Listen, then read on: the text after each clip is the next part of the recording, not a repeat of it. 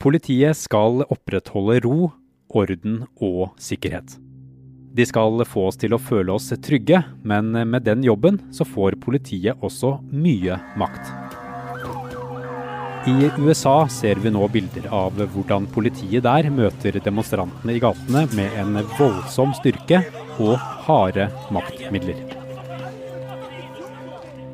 Hva skal til for å forvalte makten som politi på en god måte? I Norge kreves det bl.a. en god utdannelse, men i USA, der er situasjonen en ganske annen. Dette er Forklart fra Aftenposten. Jeg heter Andreas Bakke Foss. Det er fredag 5. juni.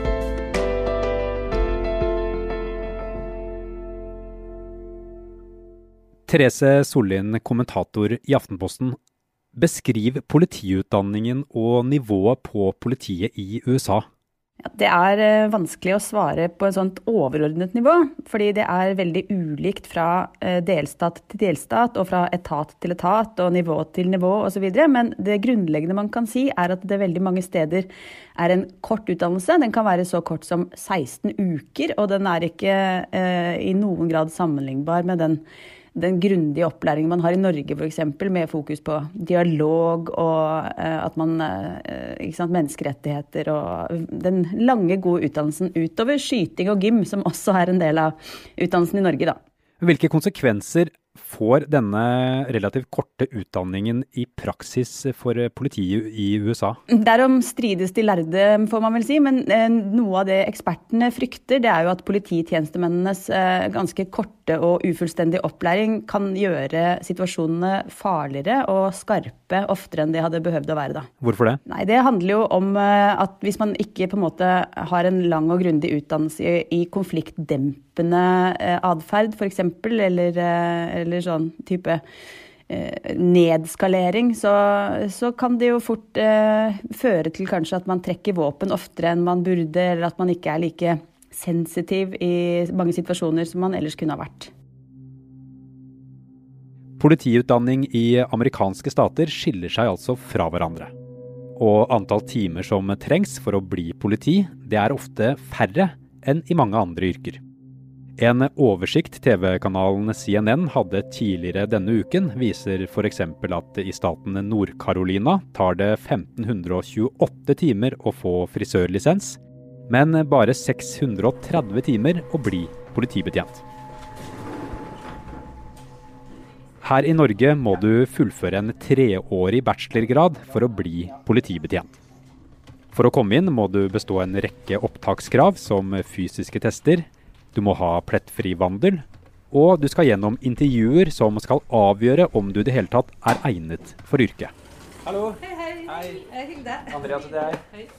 Hilde Sørum er studieleder ved Politihøgskolen i Oslo. Allerede første året skal studentene lære seg å håndtere pepperspray og batong, men med ganske andre metoder enn det som brukes i USA nå. Vi viser Hilde Sørum opptaket av arrestasjonen av George Floyd. Rent umiddelbart så syns jeg jo at det ser veldig brutalt ut. Og eh, det skjer jo over en veldig lang eh, periode. Og her har vi no, også noen politifolk som bare står og ser på.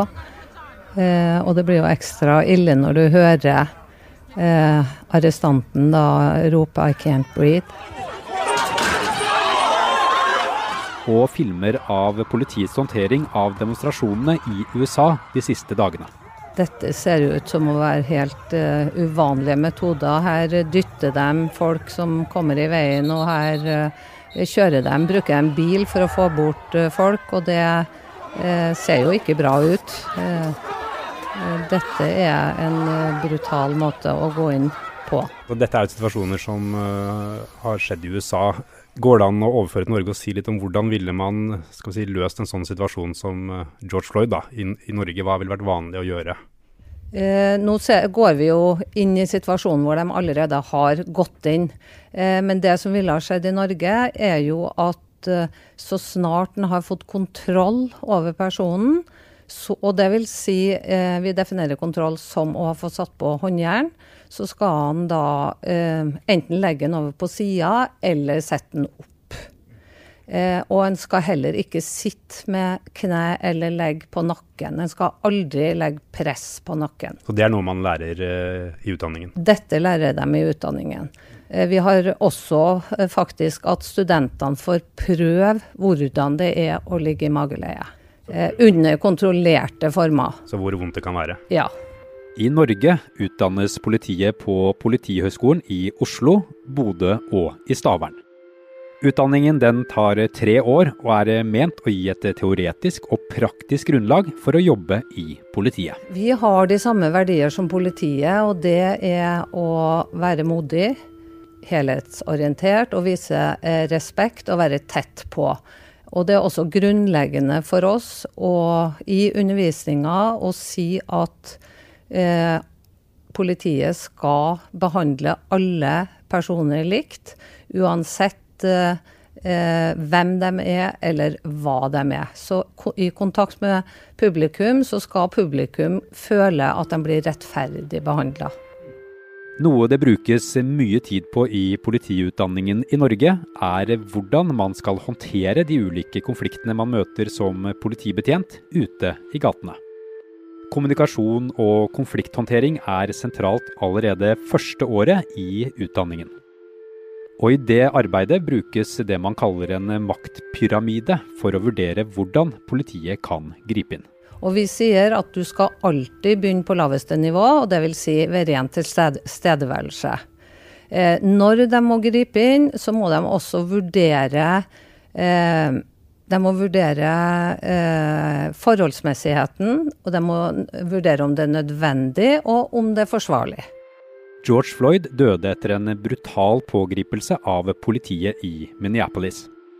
I den norske politiutdanningen læres studentene opp i bruk av maktmidler og teknikker som brukes under arrestasjon.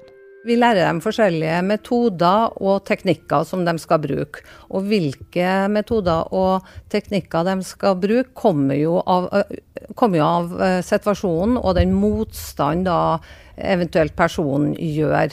Men de skal alltid vurdere eh, denne maktpyramiden og se hvor de skal gå inn. Og eh, det skal være Når de har kontroll på personen, så er det over, for å si det sånn. Ja. Det er jo ikke alltid det er nødvendig å bruke håndjern, men en sier i alle fall at du har kontroll når du har håndjern på. I 2014 ble den 18 år gamle afroamerikaneren Michael Brown jr. skutt og drept av en hvit politimann i Ferguson, Missouri. Av demonstranter samla seg utenfor politistasjonen her i byen, og så starta bråket.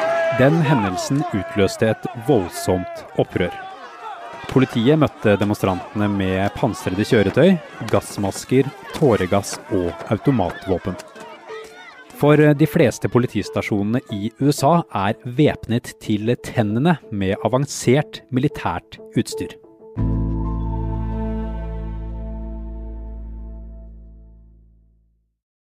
Før Therese Sollien begynte som kommentator her i Aftenposten, så var hun bl.a. student ved et universitet i Florida i 2014.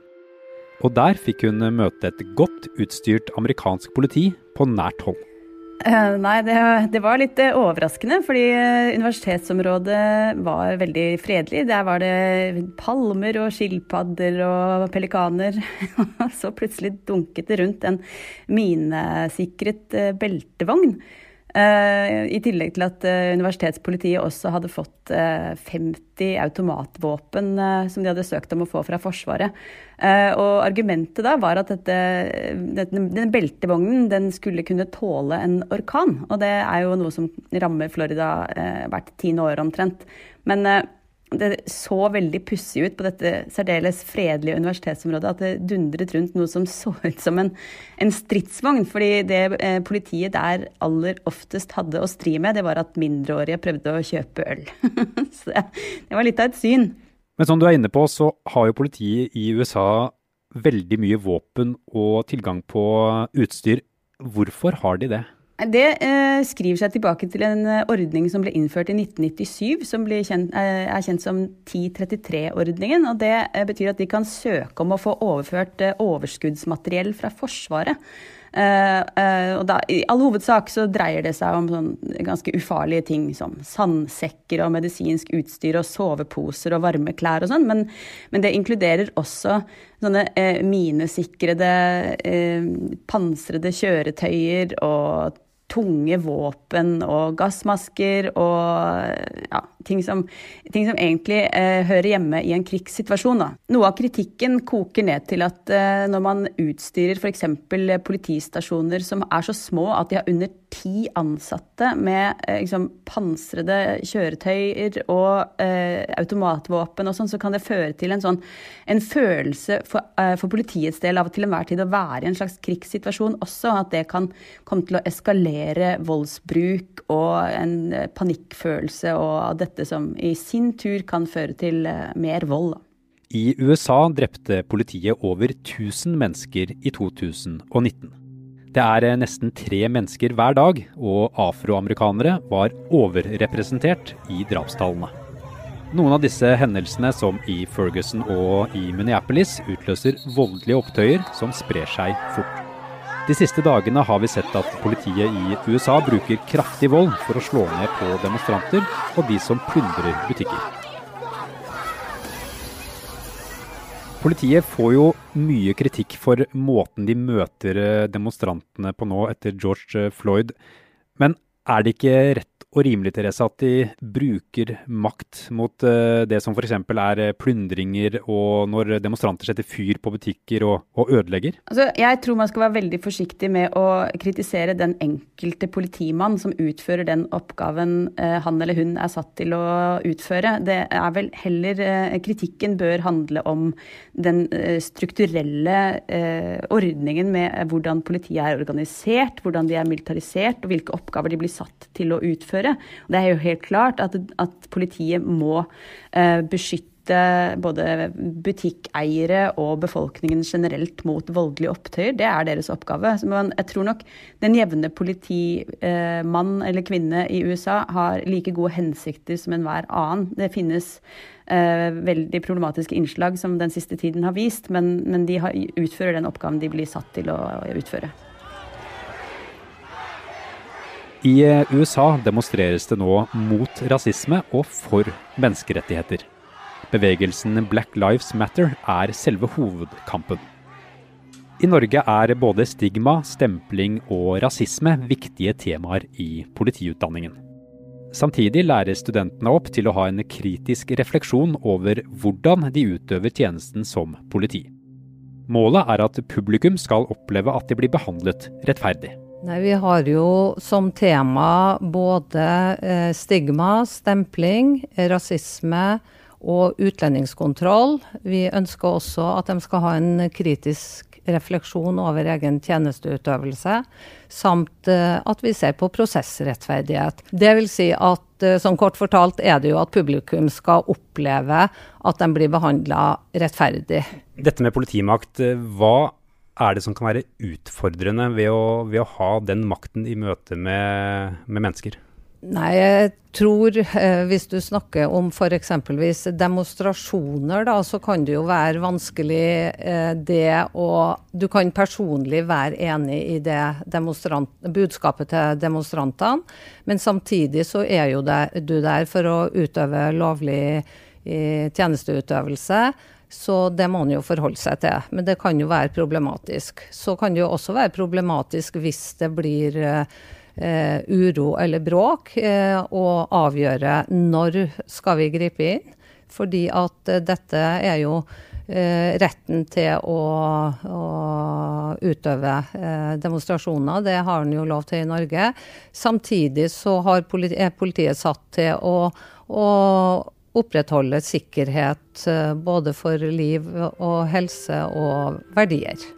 I Norge har politiet et ganske enkelt utgangspunkt i møte med demonstrasjoner.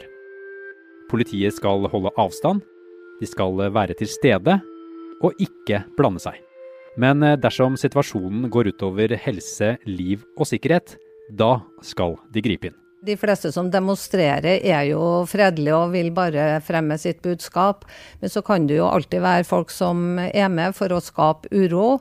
Og da kan det jo være at politiet må gå inn og bare ta ut de. Det kan også være en avveining. Om en går inn og tar ut enkeltpersoner, eller om en må at det blir såpass mye uro at en må stanse demonstrasjonen. Therese Sollien, de siste dagene og ukene har det vært voldsomme scener fra USA og mye kritikk mot eh, politiets håndtering. Hva er ditt inntrykk av hvordan det jobbes med å gjøre politiet i USA bedre? Så vidt jeg forstår, så er det ikke sånn at eh, politiet i USA ikke bryr seg om dette. Og jeg forstår det slik at det er blitt gjort ganske store grep for å forbedre den situasjonen. Eh, og ikke minst når det gjelder bevisstgjøring av eh, maktbruk og hvordan man screener etter potensielle kriminelle osv. Og, så og det er også grunn til å tro at det har fungert godt til tross for disse forferdelige tingene som har skjedd i det siste.